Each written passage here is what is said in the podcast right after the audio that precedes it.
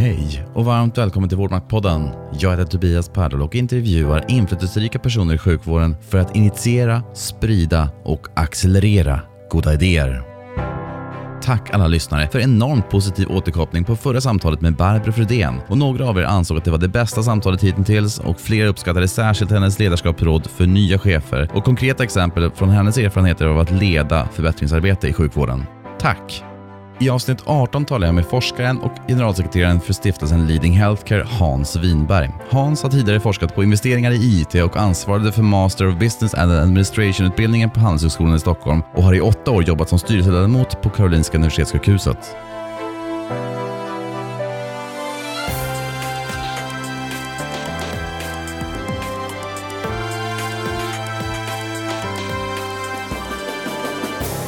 Idag talar vi om hur gröt kan framkalla sjukhusminnen och om kunskapstörst och studietiden på Handelshögskolan och om pappaledighet och New Public Management. Om digitaliseringens roll i sjukvården och gordiska knutar. Om rapporten Ekonomi för förbättring, ja, och mycket annat såklart. Varmt välkommen till Vårdmaktpodden, Tack. Hans Wiberg. Tack så mycket. Väldigt roligt att få vara här. Hur står det till idag? Idag är det ganska bra, skulle jag säga. Mm. Du är ju en ganska upptagen man Hans. Man lever i, i den moderna almanackshysterin. Du är ju generalsekreterare på Leading Healthcare, en stiftelse här i Stockholm. Hur brukar du förklara vad stiftelsen gör och vad din roll är? Eh, vi jag brukar nog mest förklara det som en brobyggare. Som en, eh, ett sätt att låta olika intressen mötas. Eh, och också som ett sätt att bringa in kunskap om det som vi säger organisering, styrning, ledning. Det vill säga allt sånt som vi pratar om. New Public Management, vi pratar om ersättningsmodeller. Vi säger att det är ledarskapet som fallerar, det är attityderna och allting sånt. Det är min forskningsbakgrund. Så att det försöker vi få till, fast i ett samtal där vi har alla olika intressen och aktörer som behövs. Och vad behövs de för? Jo, de behövs för att vi ska kunna bedriva vård och omsorg. Det finns nästan ingen patient idag som klarar sig med bara en sak. Det finns inga som vill operera utan, utan anestesi, som kommer från industrin. Knivar är också bra att ha om du ska operera. Du klarar inte ens en öroninflammation utan att det är ett koppel av olika aktörer inblandade. Och, och personal, Och personal, ja. än så länge. Det kommer nog alltid att behövas, men vi kommer alltid att behöva ha den här, kvar den här nyfikenheten och vi behöver ha den mänskliga touchen. Men vi behöver också ha en avvägning eh, som vi än så länge inte kan göra. När du säger det, baserar du det på vetenskap eller på vad du tror? Eh, Det är baserat på vad jag tror. Därför att eh, det finns ingen vetenskap som kan prediktera om 20 år. Så att eh, där får man nog tyvärr lämna walkover på att vetenskapen ska kunna säga hur det kommer att bli. Så att det, det finns ju ingen forskning som är gjord om 20 år. Jag jobbar ju med, med en vetenskapsgren i samhällsteorin som aldrig kommer med säkra svar. Därför att vi kan inte säga exakt hur det kommer att bli i en ny situation. Därför det är så många krafter som påverkar. Däremot kan vi förutsäga väldigt mycket vad det är för typ av problem eller typ av saker som kommer att uppstå. För mig handlar det, som har jobbat med ledarutveckling och sen forskat om det här, så handlar väldigt mycket bra ledare om att du har en väldigt stor, stabil plattform att stå på. Därför att det enda du vet är att det blir inte riktigt som vi trodde. Och då kan du vara mer eller mindre förberedd. Och om du är väldigt förberedd, då blir dina gissningar inte längre bara gissningar, utan då har du en, en eh, kompass i dig som gör att du klarar väldigt stora saker. Vad drömde du om att bli när du var grabb? Drömde du om att forska på organisationer och ledarskap? Jag visste faktiskt inte vad forskning var och forska på organisationer och ledarskap. Jag kunde lika lite som mina barn kunde när de var mindre och undrade om pappa bara satt och knapprade på datorn. Eh, Så när jag var barn var det nog eh, ungefär den insikten jag hade i forskningsvärlden. Så jag kommer inte från ett akademikerhem. Men du växte upp ganska nära Lund. Eh, ja, men som Malmöbo. Eh, och eh, nej, det kom nog senare. Däremot, det, det jag alltid har varit intresserad av, jag har alltid varit intresserad av det som ligger mellan människor. Väldigt många skulle säga att jag var verkligen en nörd när jag var ung. Jag var 11-12 år när jag började intressera mig för politik och samhällsdebatt. Innan jag gick ut mellanstadiet så var det det som upptog mig, hur liksom samhället fungerar och sådana här saker. Eh, Och I högstadiet så jobbade jag ganska mycket med det, även i gymnasiet. Sen när jag började läsa så mötte jag forskningen. Framförallt när jag hade flyttat upp till Stockholm och börjat på Handelshögskolan. Vad är det för ditt första minne av sjukvård? Eh, Det, är faktiskt, eh, det, första minnet av sjukvård är väldigt klart. För det är när, när jag efter tio dagars inläggning, tre år gammal, sitter på en bänk och dinglar med benen. Det delvis upplevt men också återberättat om hur min mamma tyckte att jag såg ut som det ensammaste barnet i världen och kom där och jag satt där och grät lite i korridoren. Och då hade jag varit inlagd och sen så skulle de få komma och hämta mig efter tio dagar som treåring. Det var lite annan tid då. Då är jag ett öronbarn, så det var upprepade öroninflammationer. Och sen hade jag en liten, liten brun flaska med gummipropp med gammal Globulin hemma i flera år. Som vi tog med oss varannan vecka och gick och fick en spruta. Den är förknippad med ganska mycket obehag. Mm. Just den bilden. Sen har jag en annan bild och det var att det fanns ju väldigt trevliga människor där. Så att jag kommer ihåg att jag åt gröt med extremt mycket socker på. Det var något sätt att muta tror jag. Eh, den smaken kommer jag fortfarande ihåg när jag äter havregryn med mycket socker. så är det en smak som är, och den, den är positiv. Så man kan säga att det är delat redan från början. Du studerade sen på Handelshögskolan här i Stockholm. Och eh, vad var roligast under tiden? Det, det allra roligaste var att driva Skånepilen och ha en del fester. vi hade gåsamiddagar. Eh, vi var väl ett litet gäng som var lite off där, men, men eh, vi hade väldigt roligt. Eh, och sen det som var absolut roligast när jag läste, det var när jag träffade på det som jag sen kom att forska på. Och det gjorde jag på termin fem, tror jag det var. Och då träffade jag någon som kom och sa, jaha, ni tror att beslut fattas så här. Men i verkligheten ser det ut så här. Och då ställdes hela den här bilden på och då var det, delades vi i två grupper. En som tyckte att ja, men så här ser det ju verkligen ut och en som tyckte, nej men vad händer då med alla de här modellerna vi har byggt upp? Eh, och blev jättestörda. Eh, och där fastnade jag väl för empirisk forskning. Att faktiskt inte bara utgå ifrån hur man tycker att det bör vara, utan att titta på ja, men hur blir det då? Hur är det? Alltså det, det är ganska roligt. Om man tänker på inom vården så vill man gärna åka på studiebesök och titta. Och just nu Danmark är väldigt bra. Norge var inne ganska länge. Holland var inne ganska länge. Eh, NHS har gjort en del saker nu och startat ledarakademier och sånt här. Och då åker man och tittar på det. Och så tittar man på powerpoint-presentationerna. Man tittar på modellen, hur det är tänkt. Och alla modeller i princip går alltid ihop. Och Det jag tycker är roligt då det är att ta hissen ner eller ta bilen ut eller vad man nu har för olika metaforer. Och titta, ja, okej, hur fungerar det på avdelningen där då? Hur ser det ut på den vårdcentralen eller på, hos den? Och så försöker man jämföra och titta ja, vad, vad, vad, är det som händer av det här i praktiken? Det var också mitt första forskningsprojekt att titta på SJs omläggning när man delade SJ och Banverket för 30 år sedan.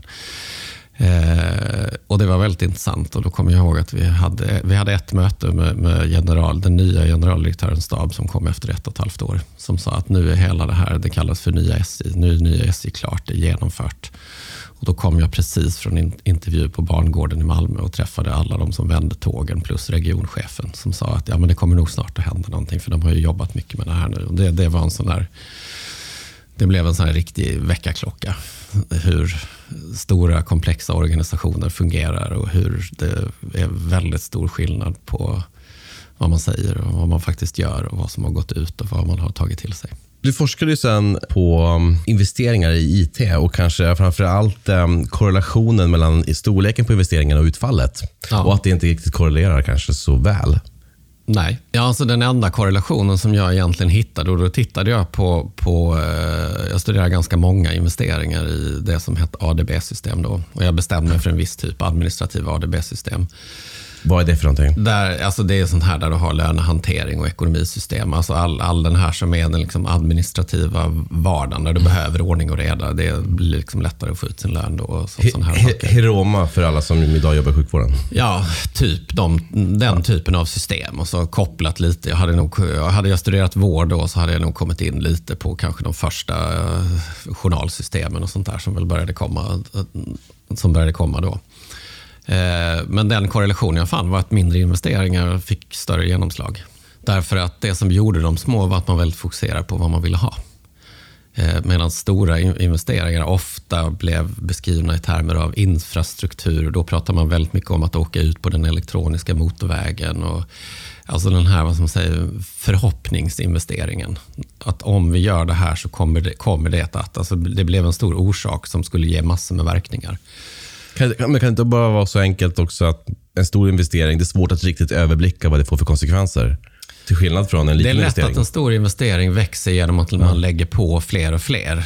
Eh, alltså I min avhandling så pratar jag om, om, om själva datorerna som en semantisk magnet. Att den här lösningen då, ja, men nu ska vi ha en infrastruktur som gör att vi kan åka ut på den elektroniska motorvägen den drar till sig massa. Det vill säga att det, då kopplar du på en massa andra sorters problem och det växer och helt plötsligt ska du lösa alla problem med det. Det blir liksom en ny... Alltså det finns lite paralleller till, eh, det tycker inte alla om som håller på med det här, men lite paralleller till 3R och de här att man liksom går ut och ska köpa allting. Det finns en väldigt stor skillnad om du jämför investeringen i Estland, som väldigt många pratar om att de har kommit så. Alltså de köpte befintlig teknik och såg att det här går att lösa, och så köpte de standardprodukter, för de hade inte så mycket resurser. Och så bara sa de, ja men det som finns ska vi ha. Och så gjorde de det. Så den investeringen är ju... Jag tror att Finlands investering nu är 6-7 gånger dyrare, fast de försöker replikera den. Eh, och Det är för att man gärna lägger på hela tiden. Och Estlands exempel kan vi bara säga då, det är väl att hela nationen Estland har väl... Ja, de byggde ett gemensamt, ett gemensamt datalager. Gemensamt. Alltså de har, du har, när du går in med din inloggningskod så kan du se bilen och eh, om du har fått tillåtelse av din gamla mamma så kan du se hennes journaler. Du jobbade sedan åtta år ungefär i styrelsen för Karolinska Universitetssjukhuset. Vill du beskriva vad en universitetssjukhusstyrelse jobbar med och vad eh, du minns från det arbetet? Alltså en, en styrelse, för det första, är ju ett, eh, det är ju ett, ett ledande organ som jobbar egentligen genom att tillsätta eller avsätta chefen. Så en styrelse är ju inte operativ, utan den jobbar ju indirekt på det sättet. Det som skiljer en sjukhusstyrelse inom eh, en landstingsförvaltning, för det är ingen styrelse på riktigt. Alltså det är, ingen, det är ingen styrelse på det sättet, utan det är en nämnd. Vilket innebär att de som sitter i, i styrelserna för de landstingsdrivna sjukhusen måste alltså bo i landstinget. Därför att det är, en, det är en politiskt tillsatt nämnd, men den är tillsatt med opolitiska personer. Eh, så att du går inte under styrelselagen, du går under kommunallagen. Det är massa sådana grejer och det är lite skillnad på det. Så det är bra att ha koll på att det är skillnad, för att det bör man ha när man sitter i en styrelse. Men, men i det här fallet så har du ju en hälso och sjukvårdsnämnd. Du har en, eh, ett, ett landstingsfullmäktige. Alltså du har väldigt många andra som egentligen styr den riktiga resursfördelningen. Så du blir på något sätt en medlare mellan den här och de politiska instanserna och ledningen. Och ska hjälpa till att hantera det. Under mina år så lyckades den styrelsen hantera det ganska så bra. Jag uh, har varit pappaledig här fram till um, i somras. Och, uh, tycker du det är viktigt att man är pappaledig? Jag har svårt att, att, säga för andra och hur alla situationer är. Det, jag har viss respekt för det. Men, men jag tyckte det var väldigt bra att vara pappaledig. Ja, dels är det ju en chans att vara med sitt barn och även då vara med sina barn. För att när man är pappaledig och har många barn så har man ansvaret för alla. eh, och det är ju för det mesta kul. Det är inte alltid kul att vara med sina barn. Det, ibland så är det skönt att åka bort ifrån dem också. Eh, men, men det är ju väldigt roligt och väldigt lärorikt. Jag tror att det utvecklar en. Jag tror att det är, det är synd att, aldrig, att, att liksom bara, bara gå på karriär och vara så. Men generellt sett så tror jag att jag mm, skulle jag uppmuntra att man är. Utledarperspektiv och liksom ledarskapsperspektiv. Um, kan du se att det finns korrelationer mellan att sköta barnen, pappaledigheten och liksom managera det, den gebitet och att vara chef eller ledare? Ibland är det ju när man ska försöka styra på sms så är det ju uppenbara likheter. Men, men, jag tror att det finns likheter. Alltså, till exempel att barn gör som man gör och inte som man säger. Och Det tror jag gäller i organisationer också. Att man ser de här när pratet och, och handlingarna skiljer sig väldigt mycket åt. Det ser man. Det tror jag är ganska stressande också. Att, att man gör så. Att man, man måste liksom våga leva, leva det, man, det man är och det man gör. Och då är det viktigare att vara strategisk i vardagen än att skriva strategier. Barn överhuvudtaget och, och ett perspektiv på att livet faktiskt är större än jobbet. Det tror jag är ganska viktigt att ha med sig. Säger jag som jobbar jättemycket. Men, eh, men jag tror det perspektivet är. Det handlar om perspektiv också. Som man bär med sig hela tiden. Och det tror jag är viktigt. Vad är sjukvårdens stora utmaningar utifrån ditt perspektiv, Hans? Den allra största utmaningen skulle jag säga att vi har ett tänkande om en struktur för och eh, en hel organisation i ett system som inte riktigt dockar till det vi kan göra, så vi jobbar idag och så som det ser ut. Och när det gäller vården så är detta ett paradigmskifte. Det vill säga att vård kan göras och, och få effekter på andra sätt och vägar än vad, vad, vad, vi har byggt upp vårt system för. En sån viktig är att patienter tar en mycket större roll och kan ta en mycket större roll. Framförallt om du tittar på alltså de som är proffspatienter, alltså olika kroniska tillstånd där man faktiskt eh, lever, alltså när man lever, nu kommer jag tillbaka till Sara igen, men när, när man lev, lever sitt liv med, med, sin sjukdom, alltså man är inte sin sjukdom, men man, man har den i sin kropp alltid. Och då gäller det att alltid tänka på det. Och då kan man bli mycket mer hälsosam. Och de här två halvtimmarna om året man träffar vården kanske får en ganska liten del och är någon sorts konsultativ roll. Men även i termer av hur, hur medicintekniken har gått framåt. Alltså vi glömmer ju ofta när vi pratar om det, så vi pratar ju nästan alltid om problem. Men, men, om, du, om du går 30 år tillbaka i tiden så har det hänt fantastiskt mycket i vården. Vi har helt andra metoder, vi har helt andra läkemedel. Och det är ju i sig en dramatisk skillnad faktiskt. Det talar ju för att det vi gör och det vi kan göra har utvecklats otroligt mycket snabbare än det sättet som vi gör det på. Det, framförallt det sättet som vi organiserar oss på. Eh, och där ser jag som en Nu är jag organisationsforskare, så att jag är ju, jag är ju allvarligt yrkesskadad. Så jag tittar på sånt, men jag är mest intresserad av, jag är själv mest intresserad av hälso och sjukvårdssystemet, alltså av, av hur det ser ut.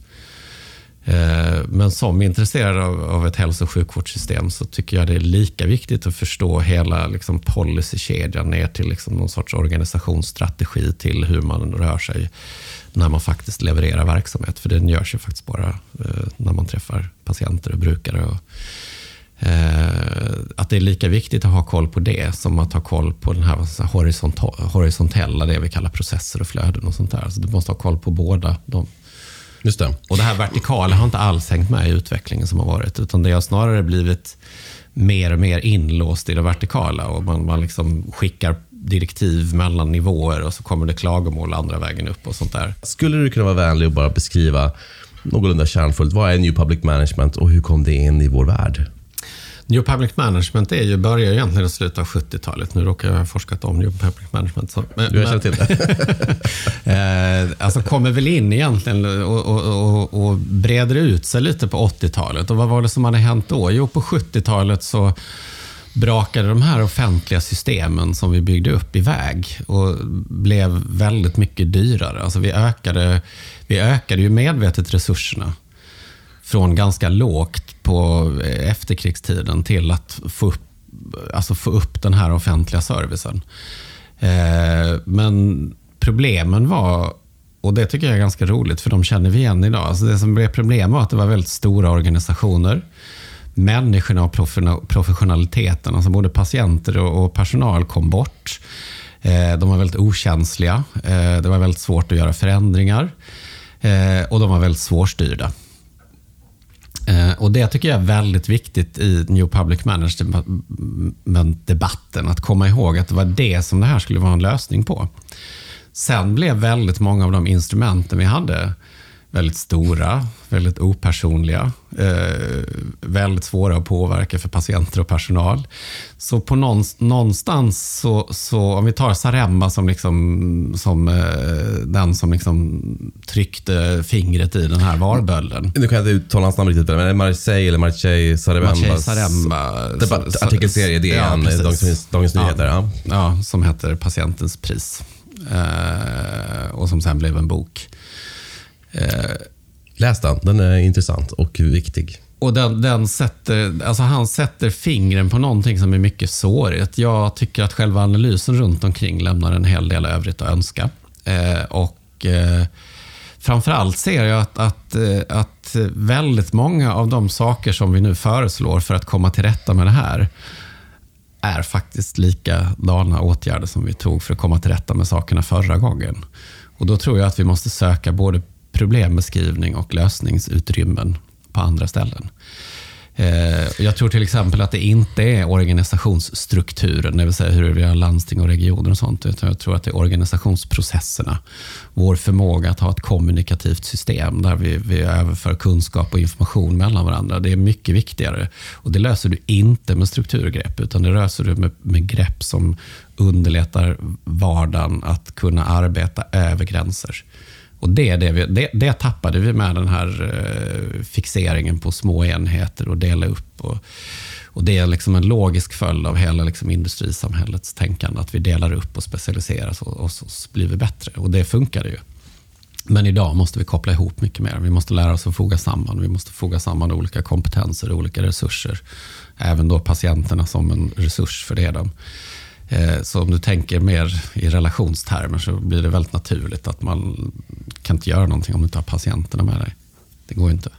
Vi är gjorda för ett läge, men det där andra läget där, det liksom, där du tänker i hälsa, där du tänker i rörelse, där, där livsstil påverkar och där då får du så många faktorer som påverkar så att då håller inte de här modellerna för att få en rigorös studie. Det går inte att ta reda på på samma sätt. Så där är det ju liksom ett, ett kunskapsskifte. Eh, och egentligen inte, egentligen inte bara ett skifte, för det handlar inte om att byta ut en mot en annan, utan det handlar om att använda olika verktyg i olika sammanhang.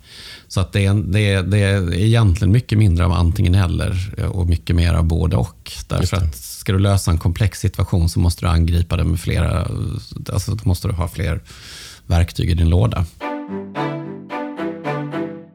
Många av oss i sjukvården, skulle jag då påstå, eh, har ganska bristande förståelse i ekonomisk styrning av sjukvården. Så det vill säga att vi lär oss inte det under utbildningen och vi kommer sällan i kontakt med det om vi inte blir chefer. Mm. Och knappt då får vi utbildning i det. Skulle du kunna övergripande bara förklara hur den ekonomiska ersättningsstyrningen fungerar i sjukvården? På ett sätt är det ganska enkelt därför att eh, ekonomisk eh, ersättningsmodeller har vissa. Du kan betala rörligt, du kan betala fast och du kan ha målrelaterat. Eh, det finns inte så många alternativ. Eh, alltså för det går inte att tänka ut. Vi har, vi, vi har gjort ganska mycket studier på det och vi hittar inga andra. Utan det, så, så på ett sätt är det, ju, det är ett relativt enkelt instrument för att det finns vissa variabler du kan dra i. Sen får de olika konsekvenser i olika sammanhang. Så att samma åtgärd kan få helt olika effekter. Eh, och, och, där har vi väl gått för mycket på pengarna och för lite på ekonomin. Ekonomi är resurshushållning och den kan du Ja, om du har en verksamhet som lämpar sig för flöden så är tidet väldigt viktigt. Genomloppstid och tid från början till slut. Alltså det är mycket viktigare, men det kan du inte kvantifiera som du gör med pengar.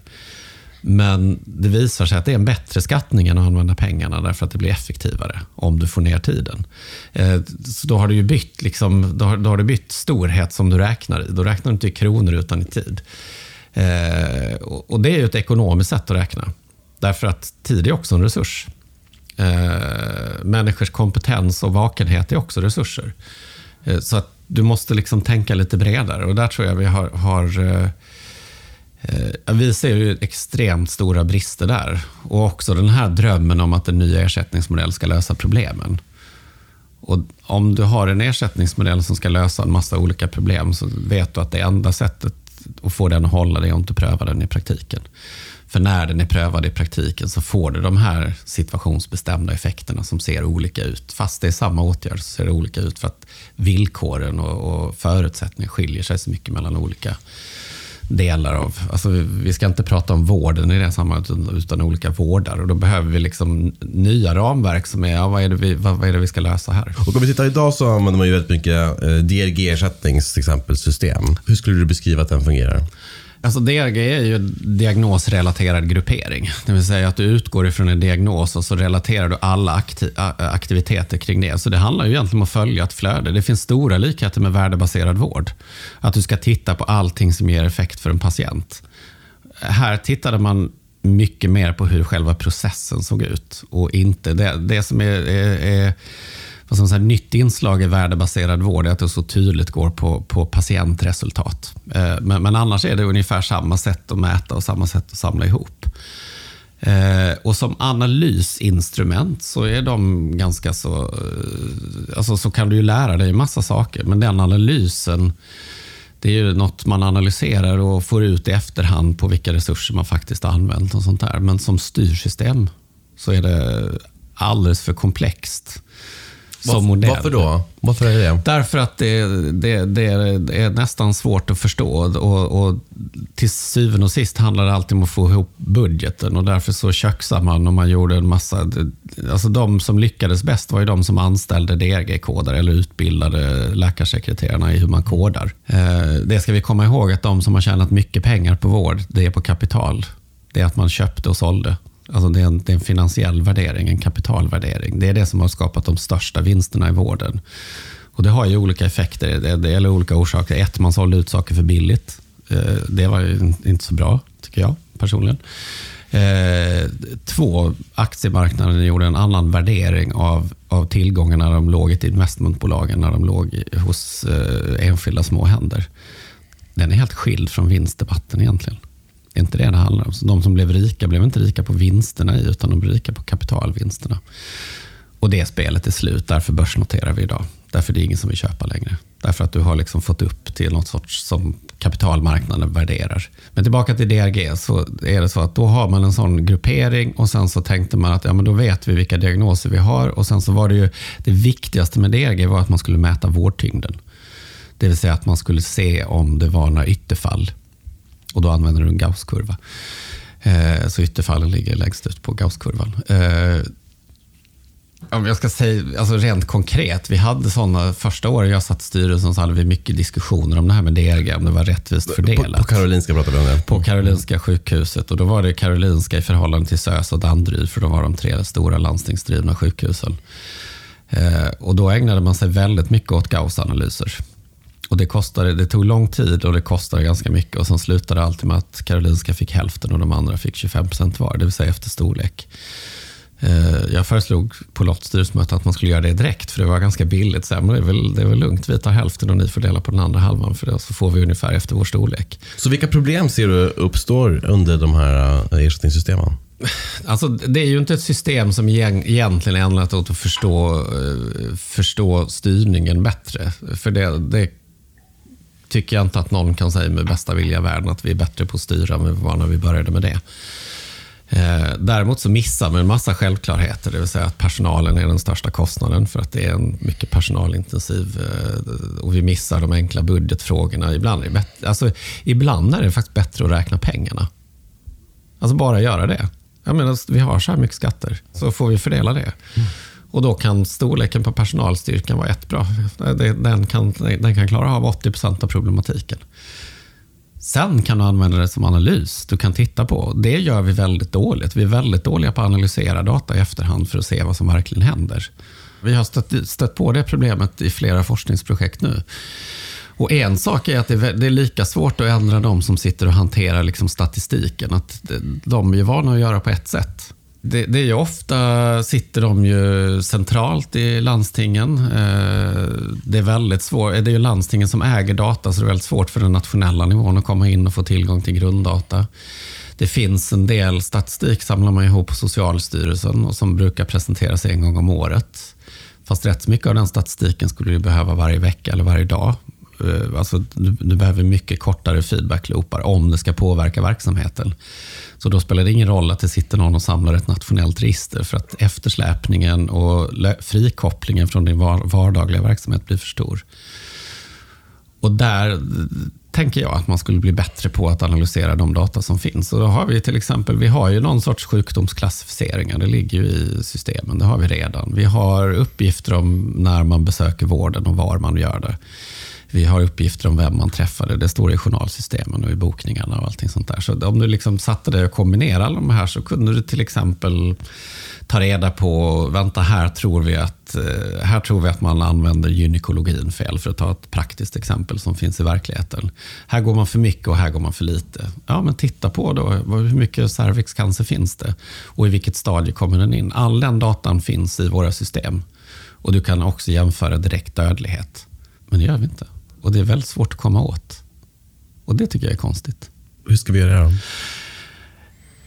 Ja, har du en jättebra idé? Jag har försökt flera gånger nu, och försökt, men, jag, men jag fortsätter försöka. Och jag, försöker få, eh, jag försöker få eh, beslutsfattare att intressera sig för det här. Och, och den guldgruvan som beslutsfattare sitter på är att vi har väldigt mycket registrerade data. en axel i den här frågan måste ha med kompetens att göra. Att vi inte har tillräckligt mycket dataanalyserande individer som jobbar med de här Ja. frågorna. Det vill säga att ta in en hög kvantitativ kompetens, alltså som Ja. kan räkna. Ja. Ingenjörer, ekonomer som verkligen, verkligen kan eh, data. och jag tror att du ska ha matematiker och statistiker. Ja, exakt. Alltså, alltså, du ska ha verkligen de här som älskar de här stora datamängderna. Om vi nu tar matematiker som exempel. Jag känner inte till en enda matematiker som Nej. är anställd inom Nej, väldigt få är det. Alltså kopplat till forskning finns det nog en del eh, på Ja. universiteten. Ja. Men i sjukhus, liksom administrationen, Nej. är jag mycket tveksam till att det Ja, finns. nej, jag har inte sett någon. Jag försöker få dem anställda. Jag försöker få, liksom, tänk om du hade hundra människor i ett team. Nu har du ju ganska många anställda, till exempel i Stockholm. Ett team som sitter och gör så. Och så kan du som, som läkare eller jag som ekonom eller sånt kan ställa en fråga. Vänta, det här, det här eh, förbryllar mig. Jag förstår inte. Kan du ta reda på det här? Så får de bara gräva. Wow! Tänk vad vi hade kunnat få reda på då. Leading Healthcare har ju påpekat att det finns ganska stora skillnader mellan forskningens kunskap om innovationer i sitt sammanhang, innovationssystem, och praktikens eh, reduktionistiska pilotande. Vill du utveckla lite grann tankarna bakom det här? Mycket av det handlar ju om att man måste förstå saker i sitt sammanhang. Och Då måste man lära sig beskriva sammanhang. Och Det kan man lära sig beskriva. Det är, ingen, det är, liksom ingen, det är, inget, det är inget flummigt. Eh, men, men om du till exempel hela tiden gör piloter som du ska säkra på ett visst sätt. Låt säga att du ska, om du inte har en randomiserad studie blir det inte bra. Men randomiserade studier går ju ut på att isolera en orsak och en effekt och ta bort så mycket störande variabler som möjligt. Men om du ska få ett, förstå ett innovationssystem, det vill säga hur ändrar landstinget ersättningen så att det här nya kan användas? Hur tar man till sig det som professionell person när ens vardag faktiskt tiltas lite och ska göras på ett annat sätt för att du kan göra det på distans eller på något sätt? Eh, och Det är en massa sådana faktorer. Så att när det gäller innovationssystemet så är det just de här det som betraktas som störande variabler är de som är viktiga att förstå. Du måste titta på eh, alltså hur förhåller sig de olika sakerna. Kan man göra den här nya grejen? Rätt så ofta så, så lever ett projekt på projektmedel. Eh, det har sina egna villkor. Det är oftast entusiasterna. Och Sen har de gjort någon grej och då är det en liten ö och sen ska den då spridas till andra. De som ska, ska spridas till har ingen tid att ta till sig det här för att de springer i ett hjul där de är väldigt pressade. Eh, du har inte ändrat på en enda förutsättning för du fick betalt via projektet, inte via att man ändrade budgetmodellen eller ersättningsmodellen. Vilket innebär att det finns inte pengar när projektet är slut. Och där kan vi ju se att det är väldigt många sådana här projekt som kan drivas och ha ganska bra resultat och framförallt bra patientresultat. Och kan drivas i eh, fem, tio år. Och sen när, de, nej men nu får det här bli vardag. Och sen så läggs det ner. Och vi har otaliga sådana exempel på bra idéer som har lagts ner. En som vi skrev om för några år sedan är de här bröstcancermottagningarna i Malmö och, och, och Stockholm. Alltså bröstcentrum i Stockholm One och One. Stop Breast Clinic i Malmö. Som fungerade i sju åtta år och de var ju nere på ungefär 45 minuter, en timme från det att du tog nummerlappen till du hade din diagnos om bokad operation. Och I Malmö lades det ner när man upphandlade mammografin och koncentrerade den till två ställen. Och I Stockholm var det att man gjorde en labbupphandling. Därför att du måste ha, alltså det, är, det är också en sån här processteori. Det är vissa saker du måste göra för att kunna sen analysera och ta reda på vad det är. Eh, Men själva arbetsgreppen då, det var ju det som ledde dem. Alltså hur lång tid tar varje moment? Ja, det tar kanske, jag tror de kom fram till att 20 minuter av analytiskt arbete var det. Men de var ändå på 45 för att det var väldigt svårt att komma ner under det. och sådär. Sen kanske inte 45 minuter är att du kan ställa in på små mottagningar och sånt där. Det, det, men det prövade vi aldrig. Vi prövade aldrig vilka konsekvenser får det här för systemet om vi skulle faktiskt göra så att alla ni som känner en knöl i bröstet, kom till den här mottagningen, ta en nummerlapp och så får du reda på om det är farligt eller inte. Och Det var väldigt få som kom till de mottagningarna som, liksom var, som, inte, som inte hade knölar i bröstet. Nästan inga. Och Sen kunde man ju avskriva flera. eh, Sådär. Men du hittade ju också, eh, du hittade ju också många, många bröstcancer som du kunde åtgärda direkt. Ja, det är så intressant. Och det blev aldrig systemiskt. Det var de här det, fick, det fick aldrig sprida sig. Nej. Nej. Och, och, när man gjorde om det sen så skedde det. Och det var ofta omedvetet för att det var en upphandling i det här systemet utifrån en annan princip och en annan. Alltså, vad det kostar, det vet du inte förrän du har prövat det i systemet. Egentligen. Nej, just det. Så man får skala och få ner kostnaderna på riktigt. Ja. Precis. Därför att allting som du gör nytt under själva utvecklingstiden så har du ju en utvecklingskostnad. Ja, det har du. Problemet är att när den utvecklingen är gjord och du ska börja trimma och göra ett system, det är då vi lägger ner. Och därför utvecklar vi aldrig vårt system. Och därför måste vi ha systemforskning också. Vi måste titta på det här och vi måste försöka utveckla vårt system. Så att vi kan använda de här bra grejerna. Om jag skulle få en knöl i brösten skulle jag hellre ta 45 minuter än tre veckor. Och på ett makroperspektiv, om man tittar på fördelningen av resurser i sjukvården, så lägger vi mm. ungefär 17 procent på primärvården, vilket är väldigt mycket lägre mm. än vad våra ja, jämförbara länder mm. gör. Mm. Vad är din take på det? Alltså, vi har ju varit väldigt sjukhuscentristiska i vår vård. Eh, så pass sjukhuscentristiska, så om du tänker på att vi heter Leading Healthcare för att ingen kom på ett svenskt namn. Men redan från början delade vi upp det i tre ord, därför att det kan man göra på engelska. Därför att det handlar om hälsa, omvårdnad och sjukvård. Och Det var för att så fort man sa att vi jobbar med sjukvård så hamnar man och diskuterar sjukhus. Inget av det andra var med. Och det tror jag vi har, där har vi varit alldeles för, för eh, blinda och vi har satsat alldeles för lite på, på primärvården och alldeles för lite på omsorgen som hänger ihop. Jag brukar eh. säga det, att omsorgen är ju omsätter ungefär lika mycket som sjukvården, ja, nästan. Ja. Och det är liksom, och jag, på riktigt, jag kan väldigt lite som doktor och läkare om ja. omsorgen. Ja. Trots att det är där som de multisjuka äldre bor och lever och det är där som de på något sätt har alltså, sitt sammanhang. Det är vår sensor. Ja, exakt. Det är de som kan läsa av hur de mår. Nej, men det är de som jobbar där som verkligen känner patienten och kan dem. Men sen så tror jag inte det är så enkelt som att vi ska, liksom, om, om vi då omfördelar. För det första måste man inse att omfördela innebär att man drar ner någon annanstans. Det vill säga att vi ska alltså dra ner på sjukhusen genom att patienter som inte behöver vara där inte ska vara där. Men idag är det också väldigt ofta så att patienter som är inne i sjukvården behöver mycket sjukvård. Alltså vi är ju väldigt behovs... På det sättet är vi behovssolidariska. De som är sjukast använder absolut mest resurser. Det finns ingen tvekan om det. Den här gruppen med multisjuka använder ju hälften av resurserna. Och då är de bara 3% av patienterna. Eh, men vi har liksom på något sätt fastnat i, jag tror vi har fastnat för mycket i det här med nivåer. För det som händer med digitalisering och med annat är att vi kan sprida vården på ett annat sätt. Så att jag tror inte att det är, det är liksom ingen traditionell primärvård som behövs på det sättet. Utan vi behöver mycket mer av samarbeten. Eh, vi har, har eh, pratat om och föreslagit i när vi har jobbat just med den här typen av flytta mellan nivåer och sånt, att nivåstrukturering på det sättet, det begreppet är egentligen ganska dött, för det fungerar inte.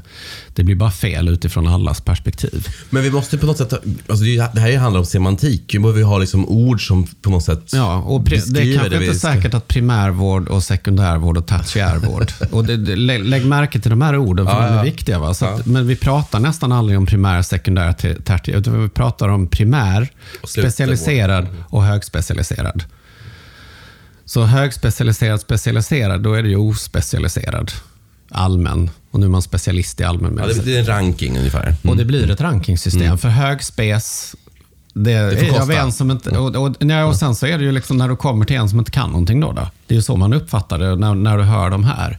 Primärvård, jätteviktigt. Tertiärvård, ja det hoppas jag att jag slipper hur vi gör. Det här handlar om språkbildning väldigt mycket och det är ju liksom en annan forskningstradition. Företagsekonomi som jag representerar är väldigt mycket språkbildning snarare än avbildning. Det vill säga att vi bygger upp ett språk för att förstå hur vi ska röra oss och, och, och, och forma liksom det här systemet. Eh, och de orden innehåller så mycket värderingar så att man hela tiden clashar. Så vi har ju en kamp mellan primärvården och specialistvården. Nej, eh, alltså det här, och hur ja. produktivt är det för mig som patient?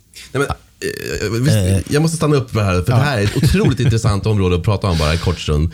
Alltså, Göran Stiernstedt tar upp det också i, i vårt samtal, men liksom, vi har väldigt mycket makt språk i sjukvården fortfarande kvar. Ja. Allt ifrån hur vi hi- hierarkiskt titulerar varandra Ja. till vi kallar dig som patient. Det, vi, alltså vi, vi, vi måste se var vi kommer ifrån och det finns otroligt mycket här som sitter i vårt språk.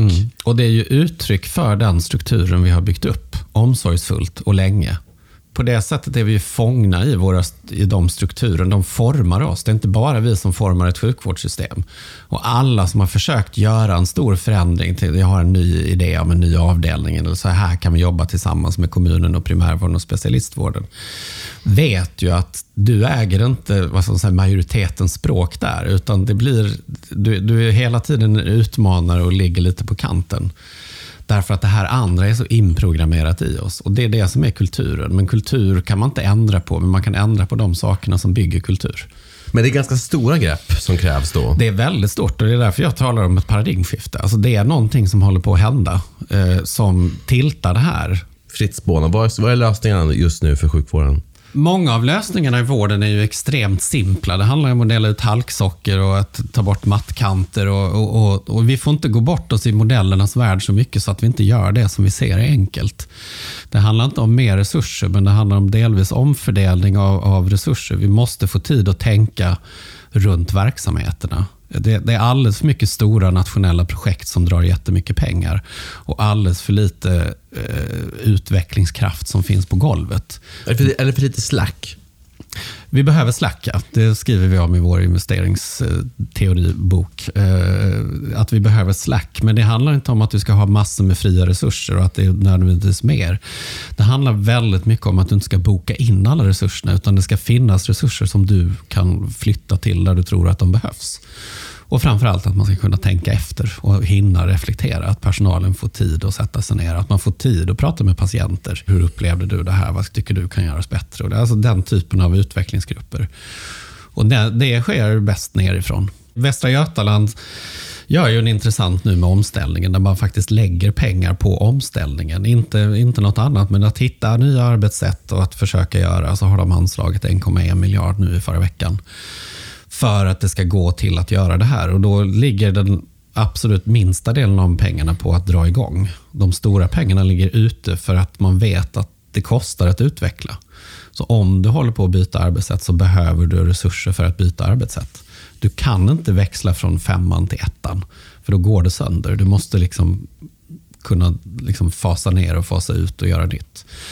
Om det sen kommer att, att, att räcka, det, det, det, vet jag inte. Det vore spännande, kan alla politiker i Västra Götaland höra. Det vore väldigt spännande att följa det för att se hur man hänger med policymässigt. Mm. Just det här med digitalisering av eh, primärvårds lätt akuta fall som växer så det knakar. Mm. Patienterna vill verkligen ha ja. det här. Ja. Eh, och Då kommer det hända också utifrån ja. så som, vad som händer just nu. Men om vi bara utmanar oss här, alltså, om bara några år så kommer, som jag bedömer det, kanske 30% av hela primärvårdslätt eh, besök ske online. Det går väldigt fort nu det här. Alltså det, det, jag skulle nog kunna tänka mig att det kan bli en väldigt hög andel av besöken. Men om du går tillbaka och tänker på hur stor del av resurserna de som behöver långa besök och de som har. Mm. Så är det så att en väldigt stor del av den behovs, verkligen behovsprövade vården, eller den, de som har störst behov, kommer nog att skötas där och säga vad man vill med digitaliseringen, men det är ofrånkomligt att det här kommer kunna göras billigare. Absolut. Mycket billigare. Absolut. Och möjliggöra resurser för övriga delar mm. i vården. Mm. Därför att återigen så är det tid. Mm. Tid som kan användas mycket, mycket bättre uh, i de här och Den kanalerna. stora är ju när du har en kvalitetscertifierad process. Då kan du göra det på nätet och apoteket eller någon annanstans. Ja. Eller så. Alltså, så, så liksom, aktörernas roller kommer att förändras, måste förändras. Där, där, vi kommer att göra saker på ställen som vi idag tycker är helt otänkbara.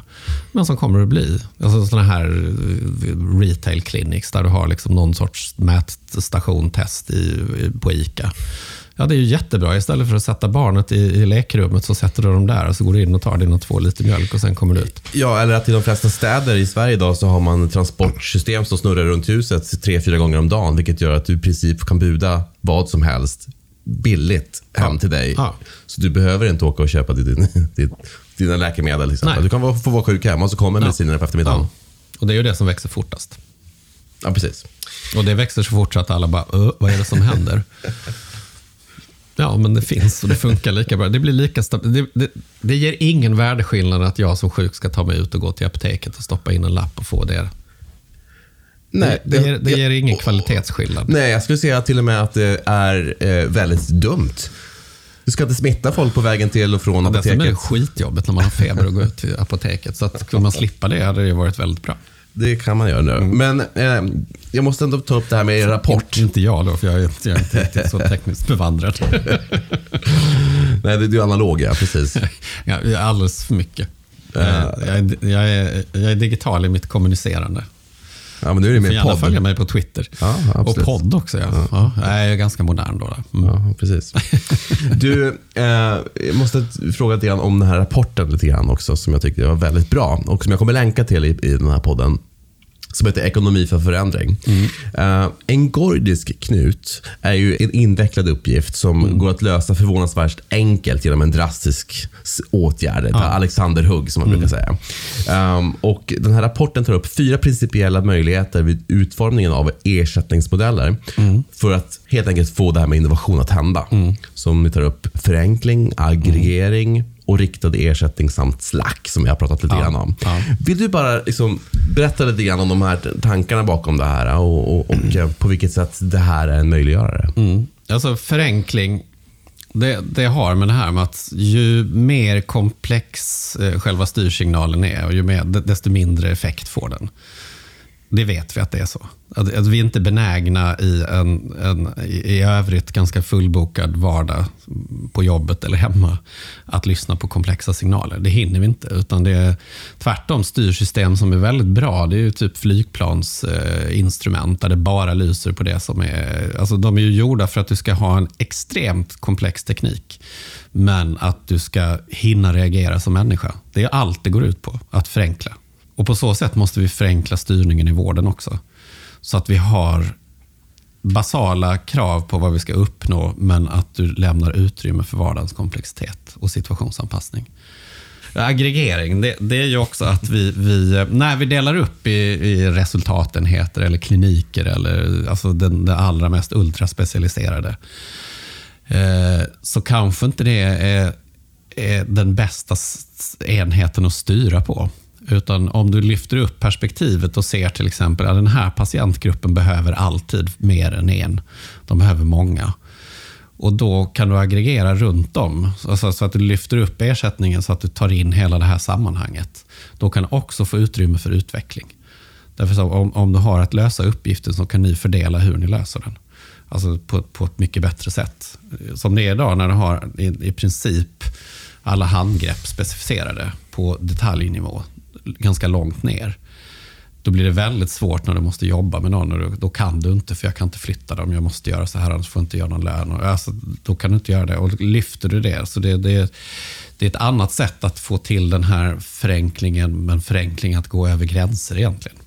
En riktad ersättning kan ju vara att du ser att det finns någon, det finns någon typ av problem som, som eh, du bara alltså som du måste lösa.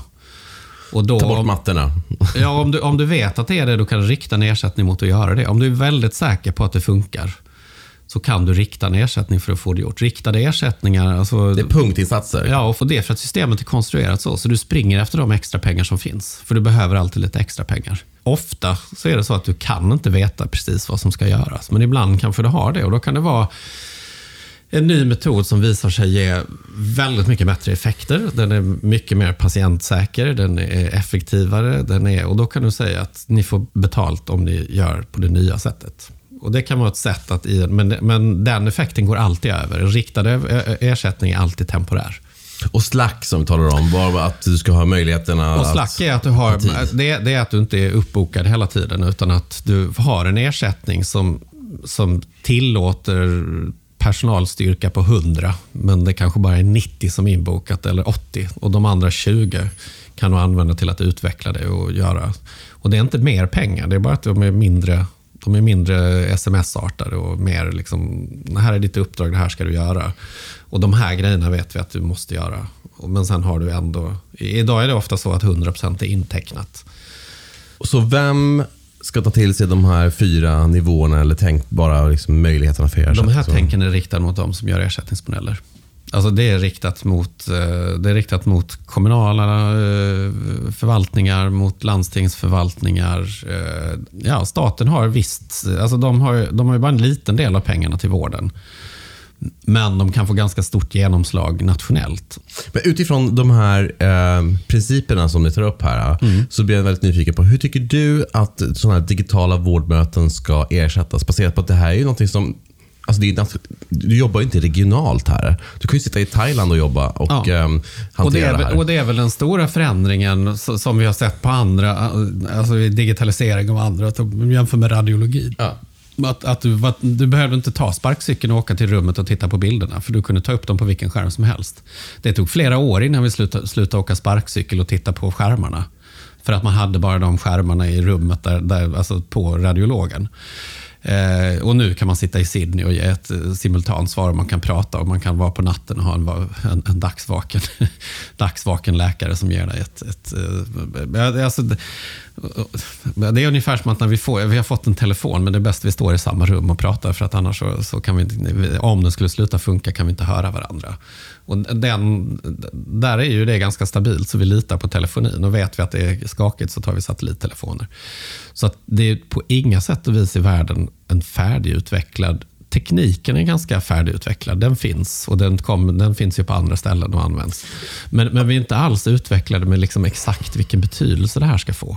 Nej, och just därför blir det ju också lite märkligt kanske att prata om absoluta ersättningsmått. Alltså liksom där, för att alltså, Ja. Vi vet ju inte ens vad som kommer komma i de här kanalerna om något år Ja, det bara. enda kanske. vi vet är att ett sånt besök ska ju inte generera en högre ersättning för att det är utomlands. Det kan vi ta bort direkt. ja. men det, det, och det, Ja, det, det är väl liksom. Det, den kan man liksom bara, ja nej men det är det inte. Va? För det är ett besök. Det är bara det att det görs via, via en annan, annan teknikkanal. Men det, blir, det, har inte samma som våra traditionella utomlänsersättningar hade. Men, men, men, men någon måste ändå betala. det är väl i princip borttaget nu. Ja, precis. Men någon måste ändå betala.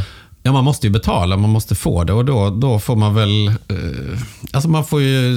Nu finns det ju, nu vet vi ungefär vad det är för typ av besök. Och vi vet när de lyckas och vi har ganska bra... Det finns ju, återigen, vi har ju data på... Du vet ju vem som, som skickar dig till ett labb till exempel, eller på en annan Mm. Ja, undersökning. Så du kan ju ta reda på vad det är de genererar i termer och sånt. Och så kan du ju jämföra det med vad genererar vi på vårdcentralerna. Och det är ju så du måste bygga det. det. Här måste du ju ligga på och ha, här måste du ha tio stycken va? matematiker. Ja, Du, du måste ha dem och titta hela tiden och jämföra. Mm. Och sen måste man vara beredd att justera.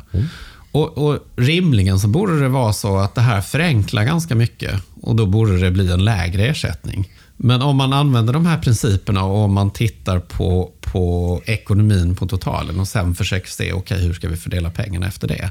Om du inte börjar med pengarna utan börjar med vad det är man kan göra och sen försöker du spegla det i pengar. Så då använder du de här så har du en ganska bra ledning i hur du ska hantera den frågeställningen och hur den ska kunna vara levande. För det här kommer inte, det är inte så att vi kommer med nu är det den här modellen som gäller för digitala besök.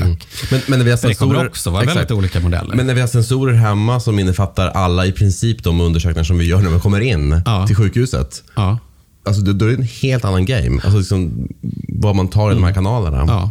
Ehm, Men det förändrar, ju liksom, det för- det förändrar ju sättet. Så om man inte villig att rycka i ersättningsmodeller och, och det, det kommer även att påverka riktlinjer och, och allting som liksom måste, visst. vi måste ju hänga med. Men det här är ju lite en, litet finger i ögat på hela liksom sjukvårdsapparaten som, som den är uppsatt. Både ersättningsfrågan, med betalar-ägarskapet, eh, mm, huvudmänsfrågan. Alltså, eftersom att det är digitaliseringen, det är, liksom, det är, det är online. Det är Det inte, har hänt att vi har uppfattat så, som en nagel i ögat.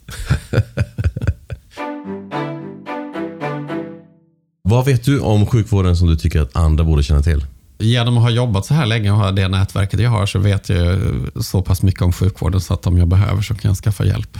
Jag blev tillfrågad av en förläggare i Almedalen vid ett sent samtal om man ville skriva en bok om den, den smarta patienten. Men det vill säga att det finns tricks eller liksom det finns eh, ingångar i sjukvården som... Klart att det finns. Precis. Jag brukar ta upp som ett exempel på det här. Det är att vi doktorer, vi går inte till vem som helst när vi blir sjuka eller våra barn blir sjuka. Nej, Absolut klart. inte. Ni frågar ju. Det gör jag också. jag ringer någon i den specialiteten som Men jag har det- förtroende för, vilket är så man ofta väljer. Man går på förtroendet. För att man tror att det ska, alltså, ofta brukar det liksom backas upp av kompetens och sådär. Så att det, som, som skattningen är Som ganska proxy. bra. Ja, precis. Som proxy är det väldigt bra att använda. Det är ju väldigt orättvist. Att det är så stor skillnad. Ja, precis. Och där är jag ju så nördig så att jag jobbar med det här som finns mellan de här olika enheterna. Bara för att jag tror, att, jag, jag tror på allvar att det är bättre att vi får ett system som kan ta hand om alla. Mm. Jag, jag, tror att det är, jag tror det är fundamentalt viktigt för samhället. När blev du själv senast förvånad över något inom sjukvården? En positiv förvåning jag haft är när det gäller mina egna kroniska tillstånd och den här möjligheten att, att, att förlänga recept digitalt. Den är jag väldigt tacksam för. Så det, och det var ju en liten förvåning. Ja, det funkar ju faktiskt till viss del. Eh, och det är bra. Finns det någon sjukvårdsinnovation som du saknar eller tycker borde finnas? är, jag saknar ju väldigt mycket innovation i, i eh, själva styrsystemen. Alltså jag, jag saknar innovation som kan ta hand om allt det som vi behöver ta emot som är nytt. Den, den saknar jag väldigt mycket. Och så Men- saknar jag innovation när det gäller persondatalagringar. Eh, Du, den, den legala aspekten kring det, eller? Ja, alltså en, en, en, en omgjord modern lagstiftning. Och en lagstiftning där man tar hänsyn till vad patienter och medborgare tycker också. Vem tycker du ska vara med i Vårdmaktpodden? Jag tycker att du borde ha någon från Kalmar och höra varför, varför går det så bra för de små sjukhusen i Kalmar när man mäter i öppna jämförelser. Vad är det de gör? Det tycker jag att du borde ha. Kan du ta någon av politikerna, Anders Henriksson eller Christer Jonsson om du vill ha en oppositionell i där. Eller så kan du prata med Christer som är landstingsdirektör. Jag tycker att jag, jag skulle vilja se andra yrkesgrupper.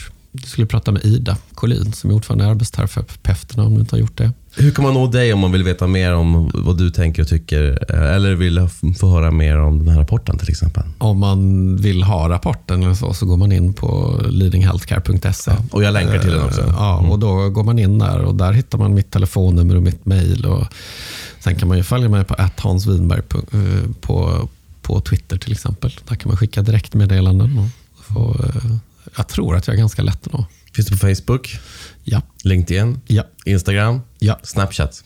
ja. Bra! WhatsApp. Glömde du? Ah, nej, men det, det var inte med på listan. Den, använder jag med, den används mycket mer utomlands än här. Ja, så små, absolut. Ja, verkligen. Är det något som du hade önskat eller tänkt att prata om idag som vi inte hunnit beröra? Nej, alltså mitt Eurovision-intresse hör ju hemma någon annanstans, så det ska vi inte prata om här. Stort tack eh, Hans Wiberg för att du var med i Vårdmaktpodden. Otroligt intressant, stimulerande samtal. Jag tror många som lyssnade på oss idag känner detsamma. Tack så hemskt mycket för att jag fick vara med.